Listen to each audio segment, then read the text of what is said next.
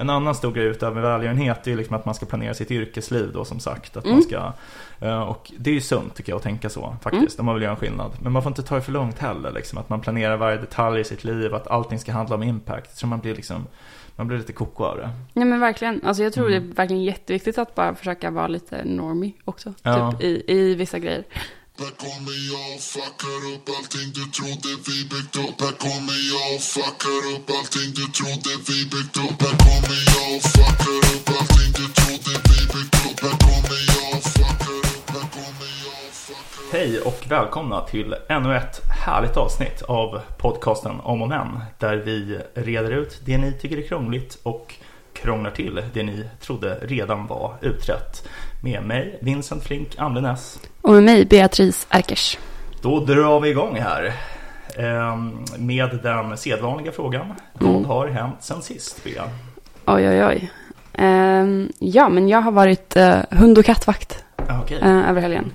Eh, vilket är väldigt väldigt kul. Det är för jag tycker om eh, hunden väldigt mycket. Och Mm. katterna ska jag säga. Men det är alltid lite kaos att, eh, att vara hund och kattvakt. Särskilt när det är så en, en liten galen hundvalp och en hundrädd katt. Ah. Så Tom och Jerry-grejer. Ja, lite. Men det är, och katten, den katten har börjat så här, han har hittat någon sorts copingmekanism. Han blir lite stressad när hans eh, husse och matte åker bort liksom. Ja, stackarn. Eh, så han eh, tar varje chans att bajsa i sängen. Jaha, oj. Mindre gulligt, tycker jag. Men, ja. Eh, men så då så här, det är så här väldigt strikt regel. Stäng dörren till sovrummet. Men så lyck, lyckas man alltid glömma på något sätt liksom. Eh, så då. Men så då, eh, ja, så var det någonting jag skulle gå ner och sa, åh nej, dörren är öppen. Och så sa jag, katten springer ut ur rummet. Mm. Jag såg, eh, jag gick in i rummet, Mm. hunden stod i rummet också. Mhm. Jag såg en brun fläck Nej. på madrassen, Ja. men hunden hade ätit upp bajset. Oj, Vilket är, konstigt. det, ja, fast det, det är väl så de håller på. Men det, är- det är väldigt lustigt. Alltså, för jag börjar fundera på, ja, så, Ja. så det hände. Men det jag börjar fundera på är, du det? Ja. Ehm, är... Alltså hundar eh, är ju väldigt intresserade av lukter. Ja. Men de kan ju verkligen inte ha samma så här, det här luktar illa, det här luktar gott grej som vi har. Nej. För då äter man ju inte bajs. Han Nej. luktade ju skit bokstavligt talat i munnen Ja, eh, väldigt det är förklarligt. Ja. Med tanke på omständigheterna. Ja, det, det, det känns konstigt. Jag tänker liksom så här, varför ska man göra sig av med det? Varför gör kroppen sig av med det om de ändå kommer äta upp det igen? Men varför äter de upp det? Ja, ja. Jävla Nej. puckade hundar alltså.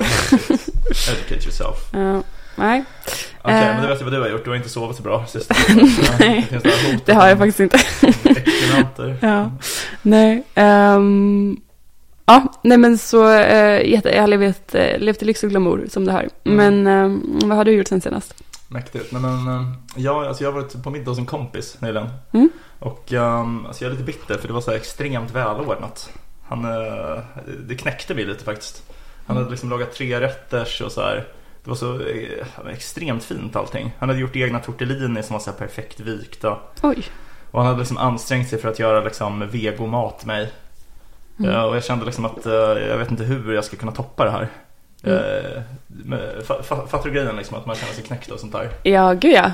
Men Har du, tänker du att du vill bjuda tillbaks liksom då? Mm, jag tänker typ att man måste göra det. Ja. Alltså, jag blir själv typ helt galen när människor inte bjuder tillbaks. Mm. Så att, eh, jag känner liksom att det är en stor börda som vilar på mig. Ja. För att annars är jag en Dum. hycklare. Dömer man andra måste man steppa upp själv ja. Ja, Eh, exakt. Så ja. jag har redan börjat liksom eh, plotta hur jag ska eh, bjuda den här eh, mannen som jag för sig faktiskt tror lyssnar på vår podd ibland. Shoutout till Johan.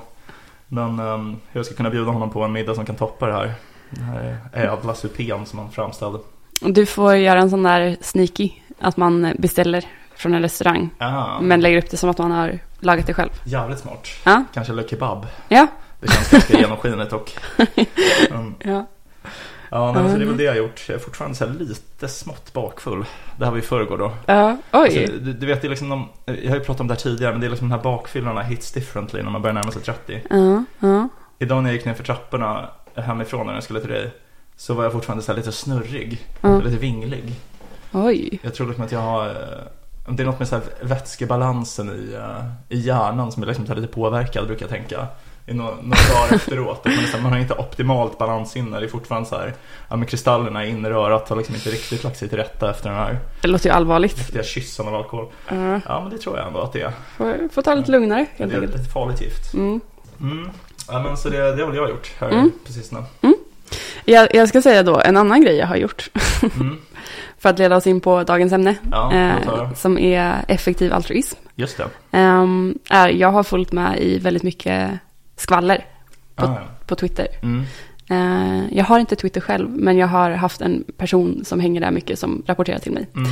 Och då är det för att det har briserat en liten skandal, eller en ganska stor skandal som man det. kanske säger. Eh, som är det här som folk säkert känner igen. Det här kommer ju publiceras lite in i framtiden.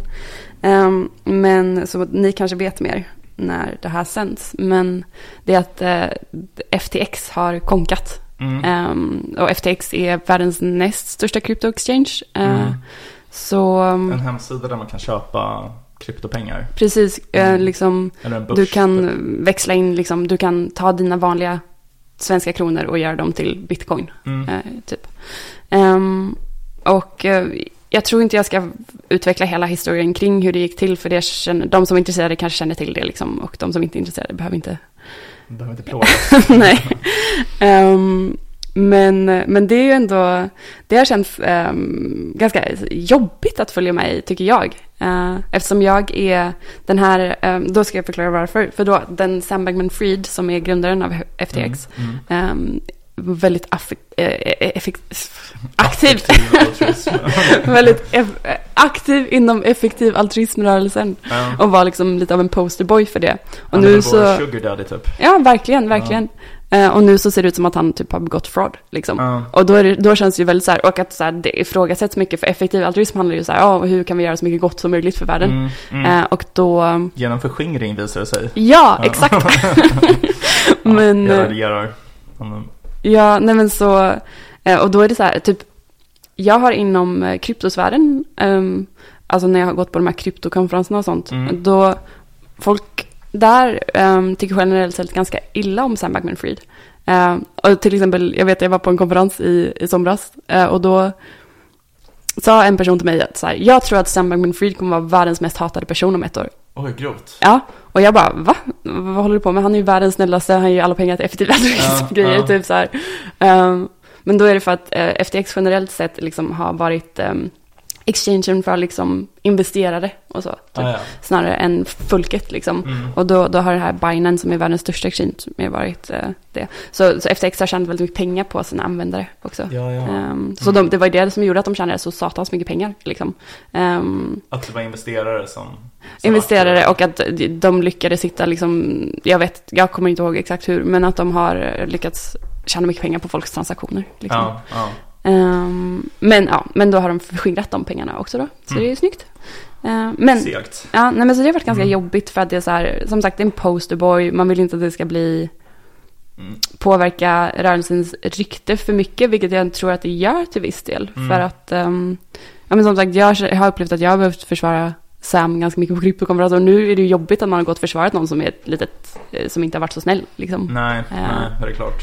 Ehm, mm, Men, men um, ja, man ska man kanske inte blåsa upp det för mycket heller. Jag tror, alltså det är nog väldigt få utanför den världen som vet vem han är, som vet ja, det är ju, Alltså- det, grejen är ju att man tror, jag tror att det kommer bli en Netflix-dokumentär. Ja, Men, men jag håller med, och de flesta bryr sig ju inte alls eller är inte medvetna om det. Men det är ju väldigt många människor som har förlorat pengar på det här, alltså Mm. så här kryptomänniskor. Så det, det känns ju jobbigt liksom. Ehm, Ja.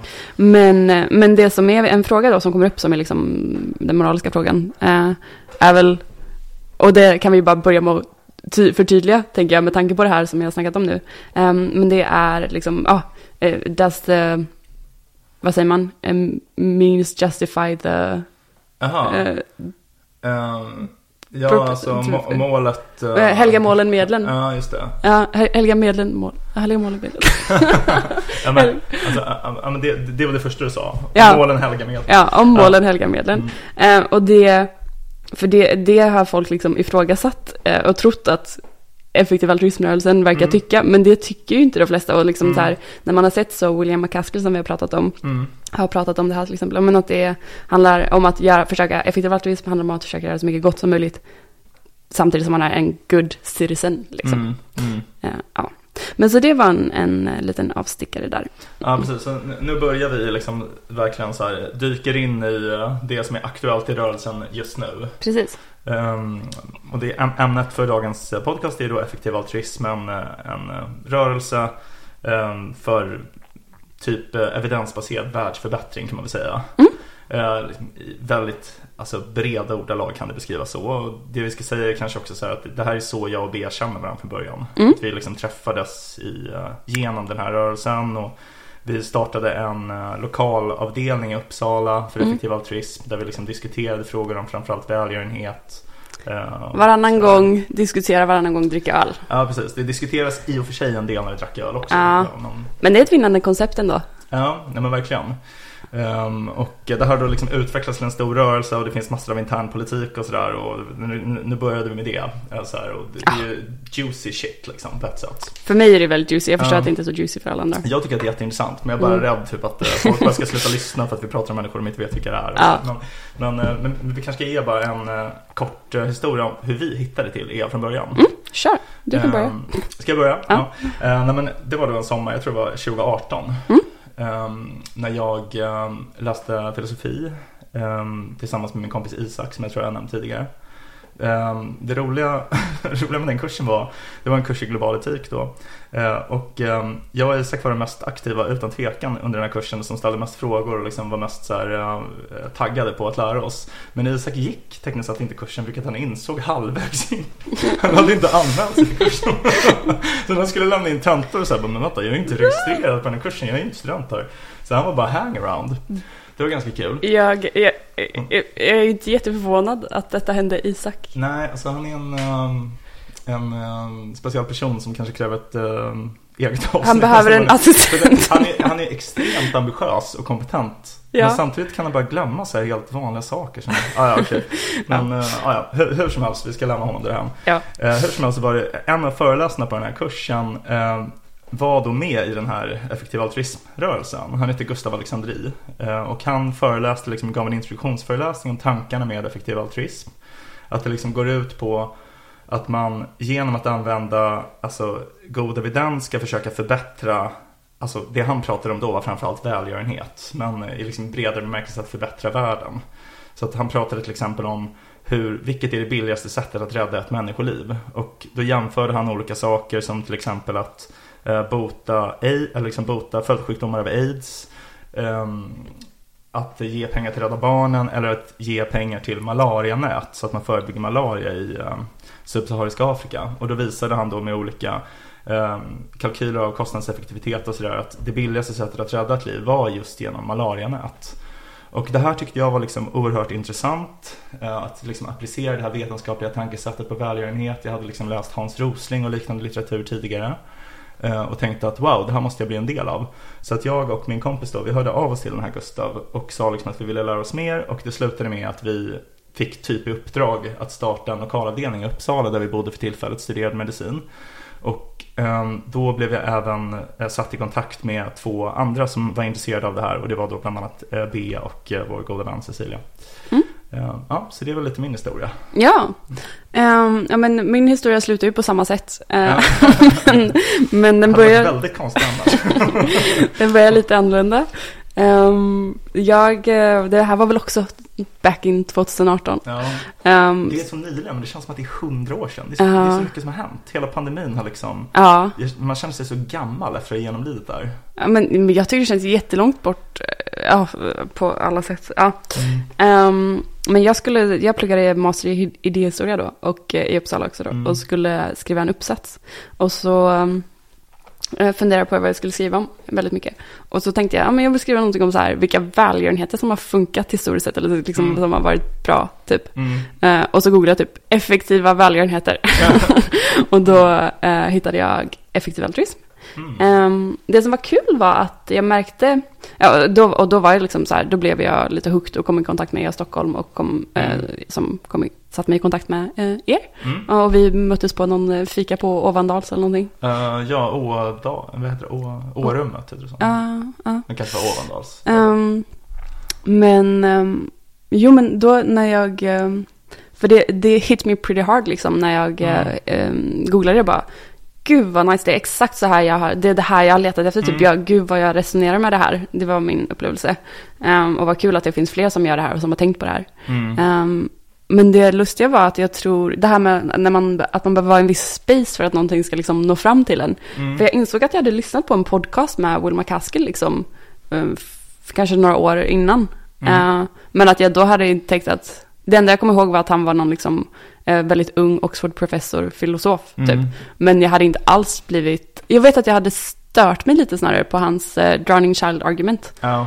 Ehm, för han sa det, Drowning Child argument som ver- verkar vara de flestas intro nästan till vad EA är. är för det är härs- härsprungen från Peter Singers bok. Mm. Eh, eh, är det The Life You Can Save eller någonting. Ehm, men eh, Peter Singer är en också moralfilosof som vi har pratat mycket om. Eh, Stor Och- mustasch. ja, Eh, men det har han väl inte nu? Ah, ja, När han var ung hade han. ja, okej. Ja. Ja. Mm. Eh, det ska man ha om man är filosof, det vet vi från Nietzsche-avsnittet. Exakt, det är ett absolut krav. Japp, det, du får jobba på det Det var Vincent. därför jag misslyckades kan man säga. Jag blev utsparkad från programmet. Exakt. Mm. Ehm, men då är Drowning Child argument att ehm, man går förbi, som, som Will sa det då var det så här, om du går förbi en eh, damm typ Mm. och ser ett barn, du, du har på dig en snygg kostym eller någonting, dyr Mm. kostym, och, men du ser ett barn drunkna i en damm, eh, hoppar du inte då i och räddar barnet? Eh, vilket ju de flesta säger, eh, jo. Ja. Och då menar han att det är samma sak som att så här, ja men vi vet att barn dör i Afrika just Mm. nu. Eh, och om du bara köpte en lite billigare kostym typ skulle du kunna Mm. eh, rädda de barnen. Ex- Exakt, och sen fin- finns det massor av liksom sätt som de exemplen skiljer sig på men då finns det i sin tur motargument typ. Eh, Alltså det är liksom en eh, pågående diskussion inom moralfilosofin om, om det tankeexperimentet. mm. Typ. Du har säkert bättre koll på vad den pågående diskussionen är. Ehm, ja men det, det kanske blir väldigt tekniskt. Mm, mm, mm. Nej men för jag vet att det jag störde mig på var, nu kommer jag typ inte ihåg vad jag störde mig på, men att det var att det blev så bara förenklat typ. Mm. Ehm, tror jag. Och att jag tänkte, när, det var när jag läste originalargumentet eh, som var Peter Singers, ehm, i Peter Singers bok så var det liksom lite mer, ja om du råkar, ja det påverkar dig lite, men det är inte så att du behöver avsäga dig, alltså du behöver inte så här eh, sälja din lägenhet och ehm, Mm. leva på 10 kronor om dagen och ge allt du har till välgörenhet, utan det var mer så här, om du med en ganska small effort kan um, rädda folks liv, är inte det supernice typ? Mm. Har du inte lite, lite skyldighet att bara dra ner på lite för att göra det? Ja, exakt. Ja. Ehm, nej men okej, så det, det var ändå lite samma sak som, som lockade oss då. Alltså, jag, jag, jag, jag kan säga typ att jag under den här perioden så hade jag liksom större delen av mitt liv varit typ, eh, liksom, om inte kommunist så i princip, i princip liksom. Väldigt långt åt eh, vänster så. Mm. Eh, Men sen hade jag sedan ett tag tillbaks börjat liksom tveka på det här och typ tänkt att jag menar, det verkar inte ha gått så bra liksom, i de kommunistiska länderna och liksom att uh, i väldigt socialistiska stater så liksom leder det till att man skadar ekonomin och det liksom leder till att man måste tillämpa stort mått av tvång och, och, och liksom för att få igenom sina centralplaner. Men grundtanken med typ Marx uh, idéer är ju liksom att man ska tillämpa lärdomar från hur man kan driva ett företag, alltså kapitalistiska idéer, fast på statsstyret. Alltså så här, typ att man kan, man kan styra staten som ett företag. Att liksom en företagare, om, om han eller hon är duktig, planerar ju sin produktion på ett sätt som gör att man blir mer eh, effektiv. Och på samma sätt då tänkte Marx att man kunde planera en statsproduktion. Man kunde planlägga en hel ekonomi. Men då finns det ju massa problem i det eh, som, som gör att det blir omöjligt på ett sätt som det inte är för en företagare. Och bland annat då för att det inte finns konkurrens på samma sätt. Utan att man, man kan liksom inte ifrågasätta centralrådet riktigt utan de blir liksom alenarådande och korrupta. Eh, och det här hade jag liksom då börjat inse och börjat lämna det här för liksom en mer, tycker jag, eh, balanserad politisk uppfattning. Eh, mer åt det liberala hållet då. Ehm, men effektiv altruism liknar på vissa sätt. Att man, liksom, man vill dra lärdomar från liksom, kapitalismen, företagare, men man vill tillämpa det på till exempel välgörenhet. Att man vill liksom planera sin välgörenhet, inte bara göra det som man tycker framstår som viktigast liksom, intuitivt, utan man vill liksom så här, hur får jag mest bang for the buck? Liksom? Mm. Att man ska driva välgörenhetsorganisationer mer som företag. Mm. Så att jag tror liksom att jag har på något sätt en sån, jag vet inte, bias. Att jag, liksom, jag dras till det tankesättet på något sätt. Mm. Men sen går det bättre att tillämpa det i vissa sammanhang än andra. Mm. Så att det är liksom, jag har lätt att så övertalas bara av den estetiken. Så att sätta sig ner och fundera och kalkylera. Men så, då, så tror jag ändå att det, det passar ganska bra när det kommer till just välgörenhet. Mm. Så. Mm. Mm. Men, men tänker jag kostnadseffektivitet och sånt. Ja, exakt. Ja. Ja, att ha liksom en kalkyl. Ja, nej men verkligen. Det, ehm, det känns ju som liksom lite grund, grundidén. Ja. Sen så har det ju um, ballat ur. Ja. nej men som vårt eh, avsnitt om long termism och det, det är också en, en, en gren inom det. ja. Eh, effektivt. Alltså att man ska bry sig väldigt mycket om folk långt in i framtiden. Mm. Men det är också ett sätt att tänka kostnadseffektivt då, för man menar att så här, ja, lite, med ganska små medel idag kan vi påverka väldigt, väldigt många personers liv framöver. Mm. Men, men det behöver vi inte gå in på nu med tanke på att vi har pratat om det redan. Ehm, Exakt, avsnitt 20 Mm. om framtiden. mm. Men det mest eh, liksom, kända exemplet, eh, nämnde du det? Det är liksom Against Malaria Foundation. Um, ja, ja, men det, det tror jag att jag gjorde. Ah, men då, Um, då kan jag klippa bort det här. men men det, det man kan säga är liksom att det finns ju vissa så här typ eh, idéer som kännetecknar i, idéerna. Alltså så här, det som kännetecknar liksom EA. Och det, det är liksom dels att man ska vara opartisk. Det var ju lite det du var inne på med det här drunknande barnet. Att liksom, även om det inte är ditt barn så skulle du hjälpa det. Och så här, även om det här barnet bor i Afrika istället för Sverige så, så ska du hjälpa det. Det ska inte spela roll liksom, om var man är född eller, eller så. Eh, så det, det är liksom det ena opartiskhet. Att alla människor spelar roll, inte bara de du känner eller de du tycker om. Typ. Eh, och sen är det då kostnadseffektivitet. Man vill ha så mycket bra saker för pengarna som möjligt. Och en tillämpning av det då är att man ska välja eh, cause areas. Alltså, vad ska man, hur ska man översätta det till svenska? Ehm, nej men liksom eh, om, vad ska man säga, område där Ja. du, eh, där du försöker, område som du försöker bättra. Ja. man ska välja områden som du försöker förbättra. Eh, Och då finns det då ett ramverk för hur man gör det. Jag vet inte om du vill Eh, jo, jag kan, jag kan börja så får du hjälpa mig om jag glömmer någon. Men- Eh, men, men du tänker de här tre grejerna som är liksom, ja. Exakt. Eh, men då är det första, nu blir det mycket svengelska, jag ber om ursäkt. Men första är som, jag vet inte vilken ordning, men tractability tänker jag. Alltså så här att det är ett problem som överhuvudtaget finns någon chans att lösa. Alltså det är så här, ja det hade kanske varit nice att, eh, jag vet inte, ehm, utrota cancer nu. Mm. Men Mm. jag tror inte jag kan lösa det just nu. Typ. Ehm, utan kanske så här mer, ja men vi, vi skulle praktiskt sett kunna ordna så att vi kan dela ut malarianät till många personer. Mm. Ehm, och då, det, det är liksom eh, en grej som är bra att eh, Mm. veta innan man börjar liksom Om det är möjligt. Eh, ja, precis. Ja, jo, absolut. eh, consider om det är möjligt liksom. Och sen är det väl eh, storleken liksom på problemet. Eh, scale, att Mm. det är ett problem som påverkar väldigt många personer. Så att det inte är typ så här, ja jag har skoskav, kan jag lösa det här? Eh, Mm. Men utan att det är någonting som påverkar många personer. Eh, och då, eller varelser, alltså det kan ju vara djur eller så också. Mm, Um, mm. Factory farming är ett sånt exempel. Till exempel att det är många djur som lider i ehm, fabriker för köttproduktion. Ehm, och då kan man ju påverka väldigt många eh, levande varelser och, och hjälpa dem. Ehm, och det tredje, trackability scale, ja neglectedness, Ja, just det. Eh, och, då, och det är liksom att det är, till exempel så finns det, det finns ju många problem i världen. Eh, och då, eh, neglectedness är, vad ska man säga, liksom förbisedda områden. Ehm, så till exempel, gemene man har ju ganska bra koll på att klimat, ehm, utvecklingen kan vara ett, är lite av ett problem eller en utmaning som vi, eh, vi står inför. Mm. Ehm, men det är, har ju också då lett till att det är ett område som får väldigt mycket resurser. eh, och att det är många som jobbar på att försöka liksom, ehm, göra så att vi inte får så mycket problem med klimatförändringarna. Ehm, men däremot så finns det många andra problem som inte får så mycket uppmärksamhet. Och det kanske är för att de är lite mindre sexiga inom citationstecken. Typ att så här, ja men jag vet att ett eh, vanligt exempel är väl det här med någon sorts mask i magen. Mm. Eh, det är ju inte så spännande. Schistosmiosis. Ja, ehm, som, som många har i någon del i Afrika, I guess. Eh, och ehm, att, eh, ja, men till exempel att man har sett att ja, men avmaskningsmedel hjälper Mm. barn att koncentrera sig bättre i skolan och att liksom hålla uppe näringsämnena och det, det är väldigt effektivt då. Ehm, men, eh, men det kanske inte är det första som folk tänker på som, eh, som något stort problem. Mm. Ehm, ja, har du något att tillägga? Ehm, nej, men alltså det, det, det är liksom de här tre eh, sakerna som man kan liksom indela olika um, förbättringsområden genom. Det är liksom ge bara ett ramverk för att förstå typ så här, vad ska vi koncentrera oss på och vad ska vi inte koncentrera oss på. Eh, så det är liksom inte det är ingen som inbillar sig så här, det går att kvantifiera exakt, det här är en exakt vetenskap, det här är liksom bara en, ett tankesätt som hjälper en att närma sig de här problemen på ett lite mer hanterbart sätt. Mm. Eh, Egentligen bara det. Ja. Nej, och på, på så sätt så um, om man tänker så här, men va, varför finns det effektiv altruism? Typ? Mm.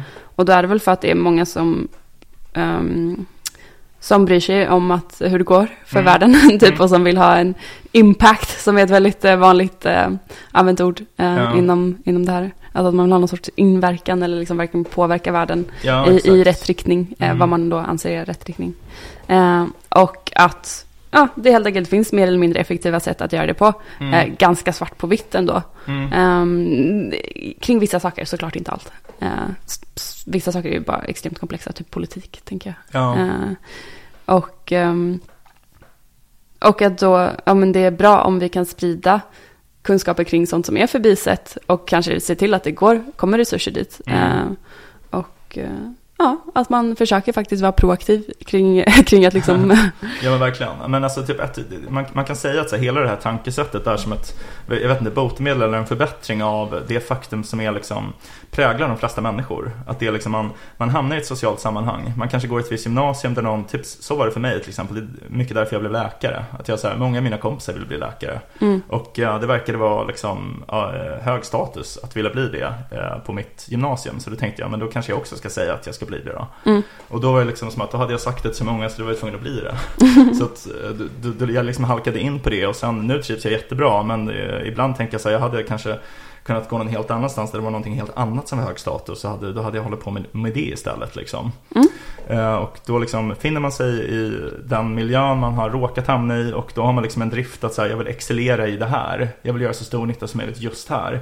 Men man, man sätter sig aldrig ner och tänker så här, vad kan göra störst, störst nytta överhuvudtaget av alla saker jag kan ägna mig åt. Eh, Och det finns ju eh, vissa problem med det då, för att det leder ju till att människor inte väljer det mest effektiva utan de bara väljer det de råkat ha hamnat i. Så, mm. alltså ett annat tankesätt kan man Ja, säga. precis. Och det är ju, det, så, har det varit för mig då, om jag tar Mm. min egen liksom personal historia. Ehm, så var det super, det var att så här, träffa och hänga med dig liksom och EA Uppsala-gänget Mm. var första gången jag kände att jag kunde bonda med folk över liksom den här sortens, Mm. alltså jag har ju många olika intressen. Mm, Eh, hästar. hästar. Eh, Exakt, men det här var första gången jag hittade folk som bara, men gud, det här är ju ehm, väldigt eh, kul att kunna bara diskutera med folk om och jag känner att jag utvecklas otroligt mycket, jag blir smartare, jag lär mig liksom olika filosofiska tankeramar eller sätt att tänka bättre och Mm. effektivare på och ja, men det var verkligen jättekul och det har varit jättegivande och det är liksom det som har lett mig till det jobbet jag har nu som jag verkligen älskar och utvecklas enormt mycket i och där jag känner att jag kan både ha det är kul, det är spännande, det är utvecklande men jag känner också att jag liksom Mm. gör bra saker. Ja, Mm. alltså det, det, det ska jag också säga. Alltså det har varit otroligt roligt att vara med i EA. Ja. Alltså så här, det, det, det var verkligen det som var mest slående när man började komma in i det här. Att det är liksom en rörelse där människor är liksom unga, radikala, tänker liksom väldigt avvikande saker från normalsamhället. Men det finns liksom ingenting av det här problem med, problemen med social justice-rörelsen. Att det så här, finns krav på åsiktsmässig riktning och liksom människor är rädda för att säga vad de egentligen tycker och så här. Utan det liksom har alltid varit helt fritt från det. Så människor kan i princip uttrycka vilka, vilka åsikter som helst. Det är klart att folk hade väl liksom höjt på ögonbrynen om någon var liksom typ nazist. Liksom. Men, men jag menar, det är liksom inom rimlighetens gränser har man kunnat säga lite vad som helst. Så här.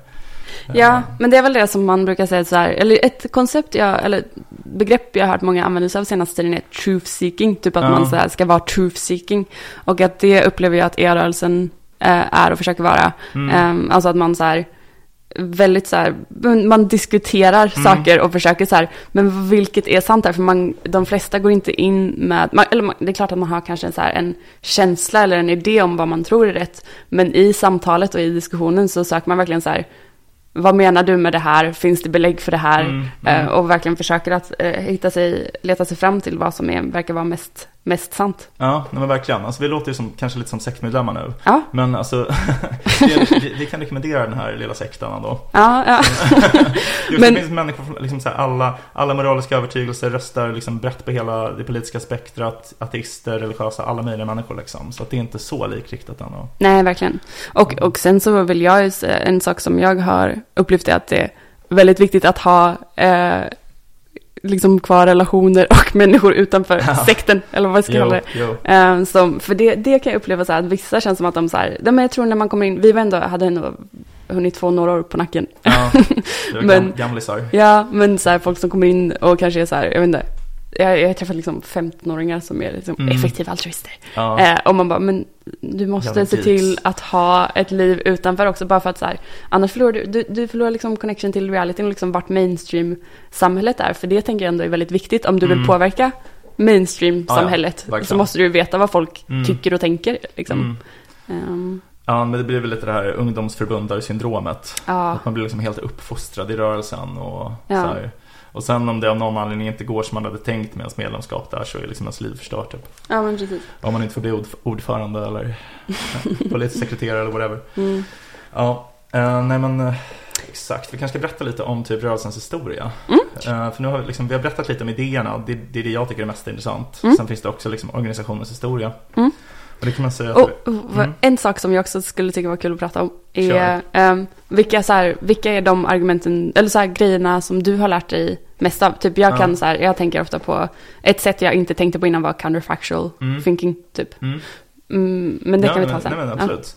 Alltså, eh, det är då alltså, ko- kontrafaktisk, eh, alltså, kontrafaktiskt sätt att resonera. Att det är liksom om den här interventionen inte hade genomförts, Mm. vad hade då hänt istället? Mm.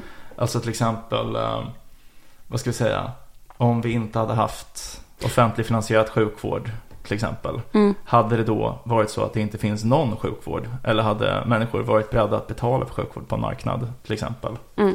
Det är ju ett kontrafaktiskt resonemang. Mm.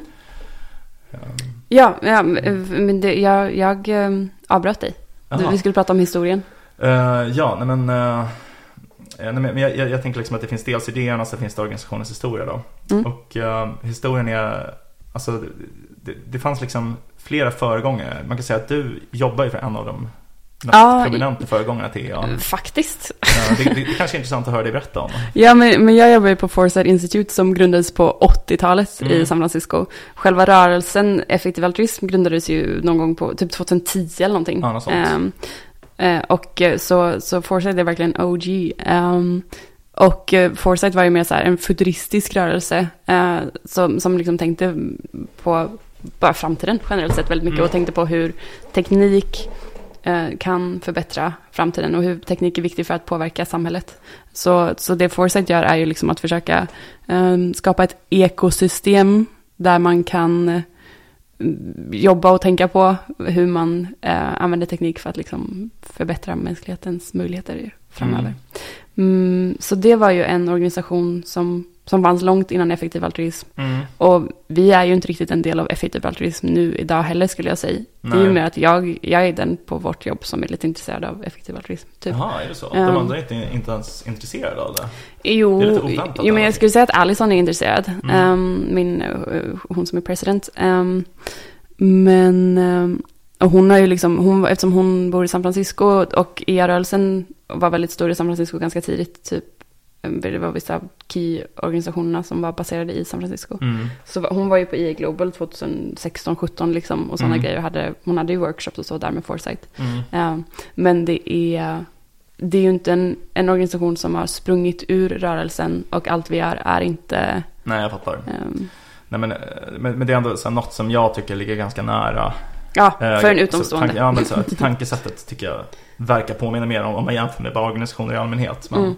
men, men det man kan säga är liksom, när det startades där i, i början på 10-talet, eh, slutet på 00-talet, så var det framförallt tre organisationer som liksom lite gick ihop till EA.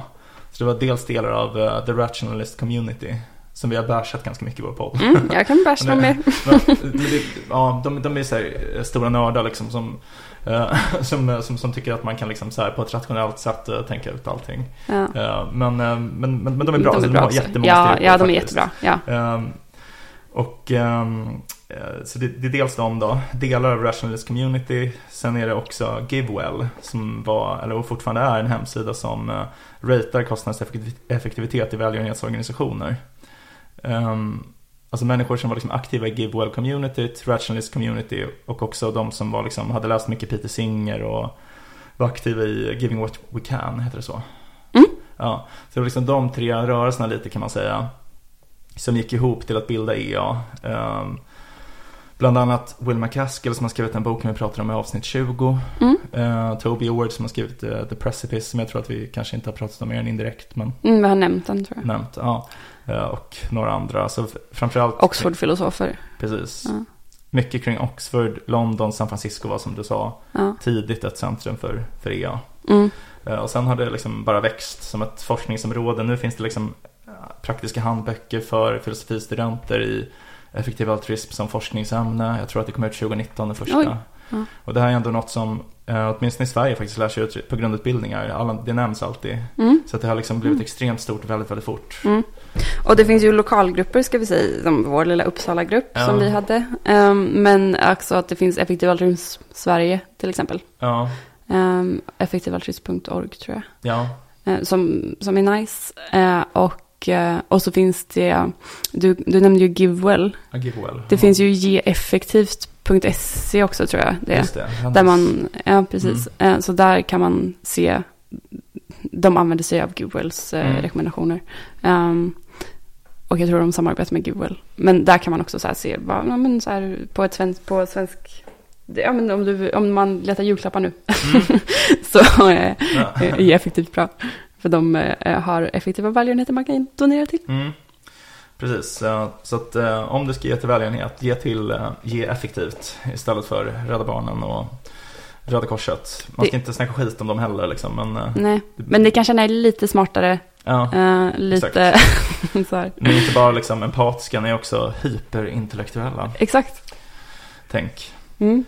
Ja, nej men så det är väl lite rörelsens historia. Det man Mm. kan säga är ju också att inte nog med att det har fått stor spridning intellektuellt, utan det har också fått väldigt, väldigt, väldigt mycket pengar. Mm, ja, men nu är det ju mindre då. Ja, men jag tror För- alltså, 2021, innan den här kraschen då som BA inledde med, så, var, så fanns det sammanlagt Alltså, jag kanske, jag, jag tror Var det inte 46 40 miljarder dollar? Ja, för, Ja. för, jag tror 46 miljarder dollar. Ja, men nu är det nog ungefär hälften.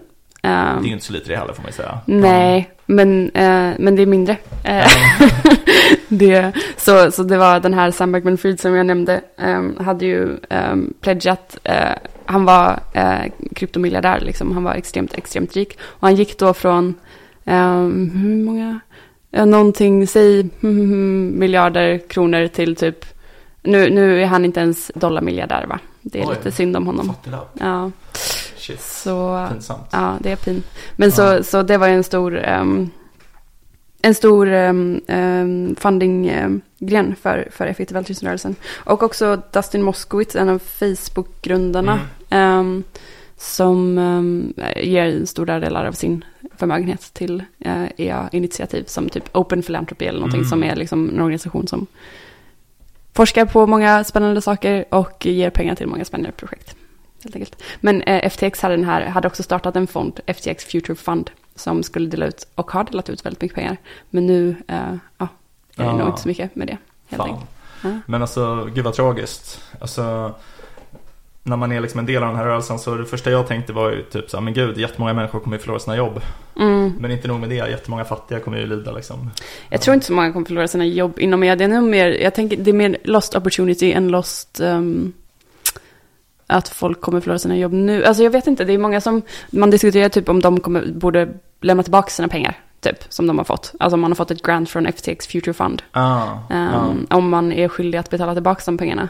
Vilket Aha. det känns som en lite klurig filosofisk fråga. Om man, om man vet att det är stulna pengar, liksom. Som man har fått. Förstår. Även om det. du inte visste det när du tog emot dem.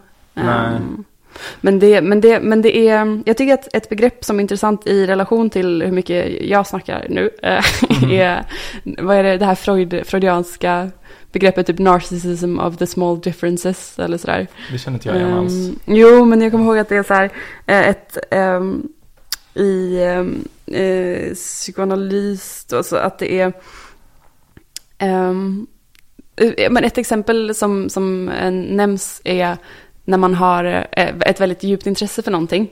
Typ som så här sci-fi fans kanske är extremt intresserade av sci-fi. Då har de, eh, och eh, liksom fantasy fans är extremt intresserade av fantasy eller någonting. Och för liksom the main stream så ser alla bara, ja det är de nördarna där borta. Mm. Medan nördarna där borta, sci-fi fansen och fantasy fansen, de har sådana extrema diskussioner, Ja, ja, diskussioner liksom. Att det är man så här, anklagar varandra för att vara normis och... ja, alltså Ja. där, eh, att det är så här, man är så innästlad i sin lilla, Ja. i sin lilla intressebubbla. Mm. Att man, och där har man så, upplever man sådana enorma, stora liksom, saker och skillnader. Ja. Medan eh, som, som du har försökt eh, hinta om tror jag, eh, alltså för världen utanför så spelar inte det här, alltså det, folk tänker inte på det här eller ser inte på det här. Medan för mig så är det så här väldigt stort att eh, Mm. FTX har konkat. Ja men dels så är det väl för att jag jobbar inom kryptosfären, eh, så det Mm. påverkar mig bara rent, om jag bara hade varit i den bubblan hade det påverkat mig extremt mycket. För det, det här har ju påverkat krypto väldigt mycket, att Mm. krypto har gått ner Mm. typ 20% totalt, alltså all krypto. Oj, Ehm, ja, eh, det är den största kraschen på väldigt, väldigt länge, större sen innan 2017 eller när det var. Ehm, och, eh, och sen så är jag engagerad inom effektiv altruism och det påverkar effektiv altruism-fundingen jättemycket också. Så för mig så blir det så här, Ja, jag fattar. Det är liksom den största händelsen på jättelänge i ja det känns liksom lite, kretsar, typ. för mig här. känns det lite som att det har kommit covid igen. någonting. Så, ja. Sjukt. Men, men eh, ja, Ja. nej men jag, eh, så, Du klarar nog. jag klarar mig Ja. nog faktiskt väldigt bra. Det tror jag nog. Ja. Ehm, Ja, men eh, alltså det, det, så mycket pengar, ja. mycket pengar har, har, har folk gått miste om kan Mm. säga. För det är ju ett Mm. intressant koncept eh, som eh, många börjar med, så här earning to give. Ja, Och det är väl det som har varit ett missförstånd, att det är många som tror att det bara är det effektiv altruism handlar om. precis. Alltså det var liksom i början av EA-rörelsen så var det många som tänkte så här, ja men det folk traditionellt tror när de vill liksom ha ett jobb som förbättrar människors liv, det är att de blir till exempel läkare. Och att det liksom, man, man kan hjälpa människor som är sjuka, man vårdar dem och på det sättet förbättrar man världen. Men det man egentligen borde göra är att börja jobba som börsmäklare och ge bort alla sina pengar till välgörenhet. För att de pengarna kan göra större skillnad inom välgörenhet än vad ens arbetstid som läkare kan göra. Och där är också ett exempel på kontrafaktiskt tänkande. Att om jag väljer att inte bli läkare så kommer det inte vara så att det står en plats tom på läkarprogrammet. Utan det är bara att någon som har lite, lite, lite sämre betyg än mig kommer komma in och kanske är statistiskt sett lite mindre lämplig som läkare. Men skillnaden är ganska liten. Men om jag tar plats eh, på eh, alltså börsmäklarfirma eller whatever, jag kan ingenting om finansvärlden. Då är det ändå så här att jag tar någons plats som inte kanske hade gett någonting till välgörenhet eller väldigt lite. Men nu när jag har den platsen så kommer jag använda den till välgörenhet i jättestor utsträckning. Så att jag gör liksom kontrafaktiskt jättestor skillnad. Till skillnad från vad jag hade gjort om jag hade valt att bli läkare. Mm. Så att, eh, ja. Men det är det jag tycker är ett kul koncept att använda sig av. För det har jag börjat applicera på allt i mitt liv lite mer nu. Mm. Typ så här, okej jag kan göra den här grejen. Mm. För, för ofta tänker man ju, åh det här är kul, och det här är kul, och det här är kul, eller någonting. ja. Ehm, men då tänker man inte på, okej, men om jag väljer att göra den här grejen, säg att jag väljer att göra, eh, skriva en artikel på jobbet eller någonting. ja. Ehm, då är det tre timmar som jag inte lägger på att gå igenom bokföringen eller någonting. Ja, Eh, ja, Du förstår. ja. Ehm, men att bara, att det känns som ett lite, Ett bra hack. ett väldigt användbart koncept att bara säga, vänta lite, vänta, checka sig själv. Typ. Ja men det är bra, alltså jag tycker typ, typ all- alltså för mig hade det blivit så, en så konstig kalkyl för att min baseline är liksom att kolla på TikTok. Mm. Så att det är, så här, det, det är alltid värt för mig att göra vad som helst utom att kolla på TikTok. Ja. Och det är också ofta att jag, jag, jag kollar om, alltså jag vet inte om ni har, du, du kanske inte har TikTok? Men Nej, det är samma på. Instagram Reels. Mm. Alltså att det är typ eh, det är liksom så här versioner av roliga videos som folk gör alltså så egna versioner av och de blir sämre och sämre. Först kollar man på originalet och det är asbra och sen blir det sämre och sämre. Mm. Så jag brukar kolla på så här 40-50 olika versioner. Bland annat den här med råttorna som jag skickade till dig. Ja, den var så konstig. Den är asbra ju. Det är en video där det är två, det är två det är en person som spelar två råttor. Det är något filter på TikTok så att man får typ ett långt ansikte som ser ut som en råtta. Och sen äter han ost. Och sen är det typ att man ska förstå att det är två råttor som har hittat ost. Men så fattar man att den är förgiftad med råttgift. Ja. Och den är sjukt rolig tycker jag. Men det känns som att du bara, jag fick bara ett så här, du svarade med ett haha, alltså bara två han. Och det är som att säga fuck you typ. Så, Jag vet, jag tänkte att, oj vänta jag måste, men jag var, jag var mitt uppe i någonting. tre ha minimum. Ja, förlåt, förlåt. Uh, men, Jag har call-out för det där. nu, ja, Alltså jag, att jag, jag, jag kan sitta i timmar och kolla på sådana där råttvideor liksom. Så det är, alltid, det är alltid bättre att jobba liksom. du är ju hackad. Ja, jag, jag, eh. jag tror det, men jag tycker att det är sjukt kul. Det finns typ inget jag tycker är så roligt som att kolla på sådana där reels. Jaså? Ja. Du har inte... Ja, mm, alltså jag, eh, jag tyckte, jag såg en som var väldigt kul om FTX-situationen, som var så här The Ja. Office, att saker börjar brinna och så var det så här bara, det här är FTX, det här är eh, krypto, det här är. Men, Ja. det, men den kanske inte skulle falla. Uh, nej men jag, min, där jag hackar är nog typ reality-tv. Eh, Ja. Alltså så här, jag tycker om Bachelor, jag Ja. tycker om Gift vid första ögonkastet. Mm. Men det ska vara svenskt som sagt, det ska inte vara, Ja, jag, jag, jag kollar på det här um, Love is blind om du vet. ja, Um, första säsongen tyckte jag var jättebra, andra var sådär. Nu har jag börjat kolla på tredje och det är skitdåligt. Det är så jävla tråkigt. första. Ja, okej. Och det är liksom... Det är så tröttsamt. De är, såna, åh, de, är så, de är så himla stolta över att de är med i det där programmet. Bara, jag bryr mig inte om utseende. Jag... Men så bryr de sig ändå bara om så här ytliga saker. Som typ... I- eh, ja, hur bi- bildade människor är. Eller typ så här, vilken samhällsklass de tillhör och sådär. Jag har för mig Liv Strömquist har snackat om att så här, ja fast alla de är ju skitsnygga. Ja. Alltså så här, Nej, ja, det vet jag inte om jag, håller- om jag håller med om. de var det i första säsongen i alla fall. Eh, Eller det är den jag har sett. Alltså så här att det är, kanske. de är ju, det är ju inte några, eh, liksom, Det är inga fulingar. nej, Nej, alltså det, alla är framförallt väldigt vältränade. Ja. Tänker jag på. ja, Eller de flesta är det i varje fall. ja. Ja, nej men, ehm, men det, jag, den funderar jag lite på också om, för det var, den kom ju i början av covid, Mm. den första säsongen. Jag funderar på om det var, om det gjorde att den hade extra effekt också, för man var, om man Mm. dejtade så var det verkligen så här typ distansdejtande eller virtual, alltså så Mm. att det var eh, inte eh, som, som det brukade vara, helt enkelt. Nej, sant. Ja, nej men det, det är lite konstigt med sådana här datingprogram. Jag tycker, alltså typ, jag är då, jag har inte varit singel på hundra år. Jag, jag och min tjej har varit ihop i extremt länge. Ja, Ehm, och så att jag har liksom egentligen inte dejtat som vuxen. Ehm, men det är så mycket i vår kultur som, som liksom kretsar kring dating och så här, typ. Det, det är liksom närvarande i vår kultur det här liksom att man ska liksom träffa många människor. Man ska liksom, ja, du fattar så här. ja, Ehm, så det är ändå så här, typ när man går ut och äter på parmiddag till exempel så eh, slutar det ofta med att man leker datingleken. Jag vet inte om du känner till det? nej, Nej berätta. men det, det är lite så här, mina kompisar och liksom, eh, vi brukar ofta leka det. Och det är att man skriver olika egenskaper på lappar. Till Jaha. exempel så här, är Sverigedemokrat. Eller typ, har en talande papegoja. Ja. Sen viker man ihop det så lägger man det i en hög. Och så får man dra en lapp varje gång det är ens tur. Och då är det liksom så här, det här kommer upp på första dejten, vill du gå på en andra dejt? Mhm. Ja, och sen nästa dejt får du reda på att den har ett träben. Ja, om du fattar. Vad är det värsta du har tackat ja till då? Ehm, jag vet inte, tio ormar kanske. Ah, ah. Ehm, Ja, men det hade jag nog ändå alltså kunnat inte tacka att gå ja på till. dejt med ormarna. Nej, utan nej. att hon, den, här, den här fiktiva kvinnan då Ja. ägde tio ormar. Ja. Jag, jag var ju singel nyligen. Det var det som fascinerade mig med dejtingen då var så här, hur i helvete har man tid? Mm. Jag förstår inte. Um, Vincent. nej, alltså du, du pratar med fel person som sagt då, men Ja just det, du tittar Ja. på TikTok. Då hade du kontrafaktiskt tänkande, borde jag dejta istället för att se på TikTok. Ja, exakt. Nej, men jag, jag måste ändå säga, alltså, det, det, det finns väl kanske vissa saker som är roliga, man träffar nya människor, det kan väl vara kul. Men jag är inte jätteavis ändå faktiskt. Nej. Det verkar vara väldigt så här, awkward och typ. Ja. Alltså, jag tycker det finns många spännande människor man hade velat... eh, det- Då, och en dejt är en bra ursäkt att få, så här, få käka middag med Mm. eller någonting sånt. Jo, Men, eh, men jag håller med om att... eh, Det, eller jag, som sagt, jag fattar inte hur man hinner. nej. Ehm, ja, men hur kom vi in på det här egentligen? eh, jag vet Nu inte. har vi trasslat till det lite så här. Ja, Ehm, ja, men just det. Du- Du pratade om att du tänker kontrafaktiskt och att du annars hade kollat på reality eller vad det var. Kanske det. Ja, Mm. ja men det är väl bra. Man ska planera sitt liv. Men man ska inte, fan, man ska inte göra för mycket heller. Då går man in i väggen liksom. Ja, Alltså jag tycker så här, det här med EA, det är ju liksom en annan stor grej utöver välgörenhet. Det är ju liksom att man ska planera sitt yrkesliv då som sagt. Att man Mm. ska, eh, och det är ju sunt tycker jag att tänka så faktiskt. Om man vill göra en skillnad. Men man får inte ta det för långt heller. Liksom, att man planerar varje detalj i sitt liv. Att allting ska handla om impact. Så man blir liksom, man blir lite koko av det. nej men verkligen. Alltså jag tror Mm. det är verkligen jätteviktigt att bara försöka vara lite normie också. Ja. Typ i, i vissa grejer. Um, om man...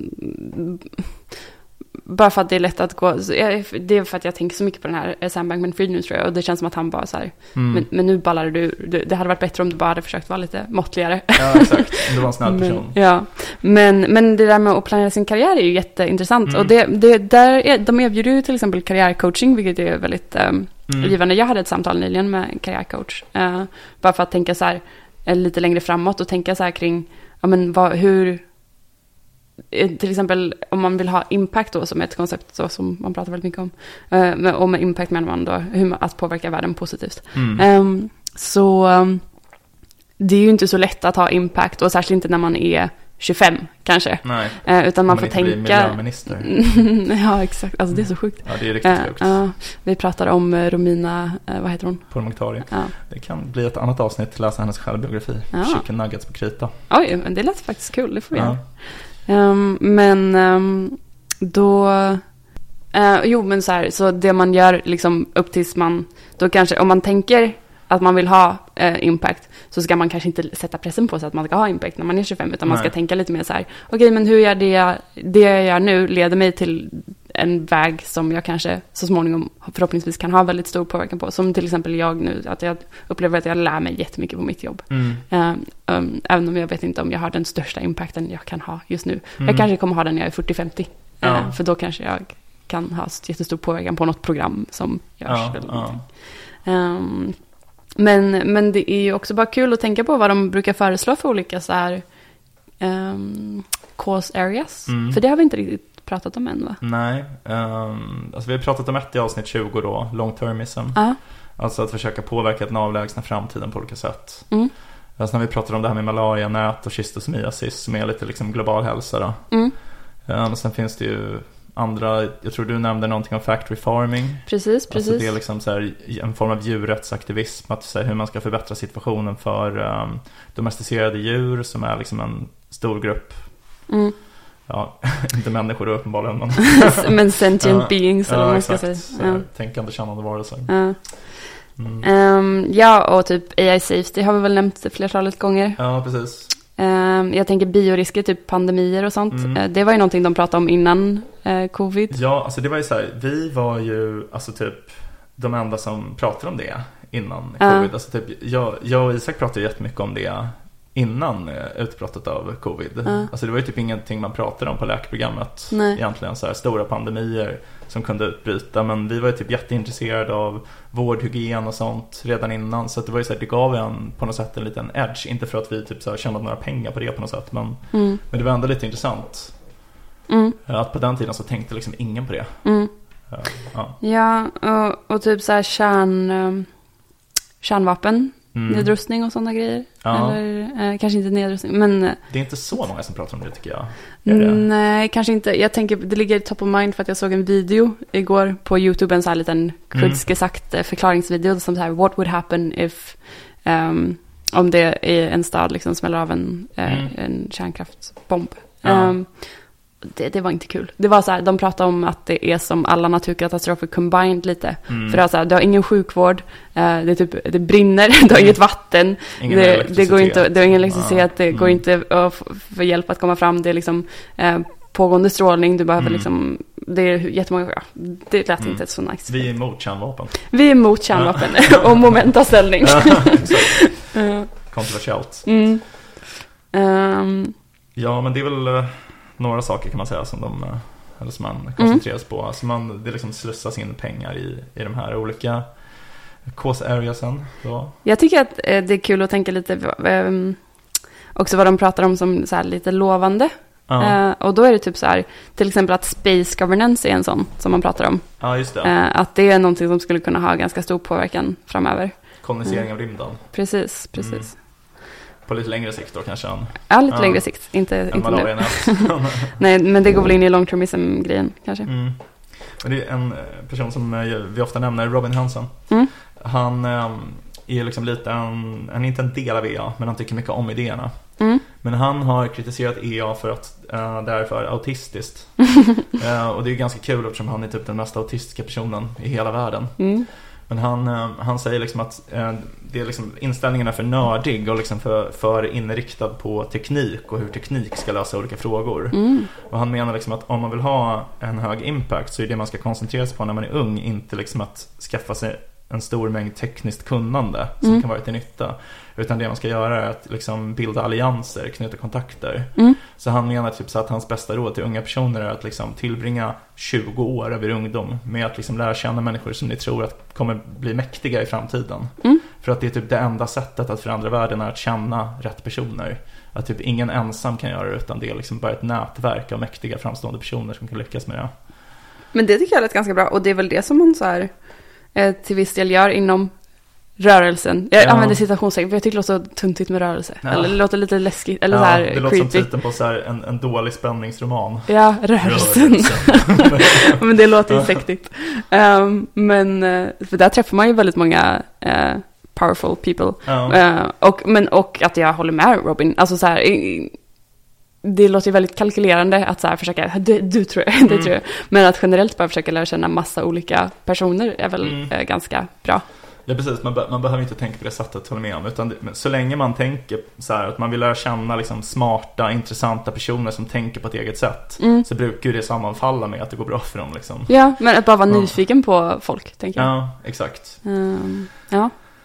Är det någonting mer vi vill ehm, säga om effektiv altruism? Alltså det finns ju hur mycket som helst, men jag tänker att jag ska försöka att inte bli för narcissistisk of the mm, small differences, helt enkelt. Ehm, nej, men alltså det, det är liksom en jättespännande rörelse som har eh, verkligen påverkat mitt liv och liksom gjort stor, stor skillnad för eh, fattiga, utsatta människor runt om i världen. Mm. Ehm, och ehm, om ni vill veta mer så kan ni gå in på hemsidan som vi kan länka till eller så kan ni bara typ höra av er till mig eller Bea och eh, så kan vi skicka någon länk eller något kanske. Ja, verkligen. Mm. Ja, och att det, och det vill jag väl säga typ så här, vi har ju sagt rörelsen och sånt nu, men att det är så här, det är, um, Det är väldigt löst. ja, alltså var, Ja. Så, var så involverad som du vill eller inte Ja. så här, du, det du kan göra, du kanske som sagt, the, your eh, level of liksom interaction kanske är att du donerar 500 spänn till Ge Effektivt varje Ja. jul eller något, alltså så här, det, det, du kanske inte alls vill ägna din karriär åt, eh, åt det här, och det är ju det är ju super, men då är det, är ju jättekul om du, tänk, om du brukar ge till välgörenhet att bara så här, Mm. ja, men då kanske jag kan ge till någon lite, lite mer effektiv. Mm, exakt. Mm. Och sen så, mm, ja, men som vi har ju fått väldigt mycket ut eh, av det. Och det är väl enklare när man är liksom ung och har Mm. det utrymmet i livet. Eh, men det finns ju, man behöver ju inte involvera sig så mycket. Även om jag tycker det är kul. Jag har ju träffat min bästis via EA. Mm. Eh, och andra mm, personer. som, och, och Vincent. Både min bästa och min värsta fiende. Exakt. Ja, nej men eh, då så. Ska vi kalla det ett avsnitt eller? Ja, vi gör det. Effektiv altruism. Mm. Good har stuff. gott folk. Ja. Ja, eh, då så. Med de orden så vill vi tacka för att ni har lyssnat på ännu ett avsnitt av podcasten Om och Men där vi reder ut det ni tycker är krångligt och krånglar till det ni trodde redan var utrett. Nästa gång kommer vi prata om någonting helt sjukt. Japp. Jag fuckar upp allting du trodde vi byggt upp. Här kommer jag och fuckar upp allting du trodde vi byggt upp. Här kommer jag och fuckar upp allting du trodde vi byggt upp. Här kommer jag och fuckar upp Här kommer jag och fuckar upp. Du har lyssnat på ett avsnitt av podcasten Om och Men med Beatrice Erkers och med mig, Vincent Flink Amblenäs. Vi har en mejladress, omochmän at om och men at gmail.com Hör gärna av er om ni har några förslag på ämnen vi kan ta upp i podden eller om ni undrar något. Vi kommer att svara på alla mejl. Tack för att du har lyssnat. Vi hoppas att du vill lyssna även på nästa avsnitt som kommer på måndag.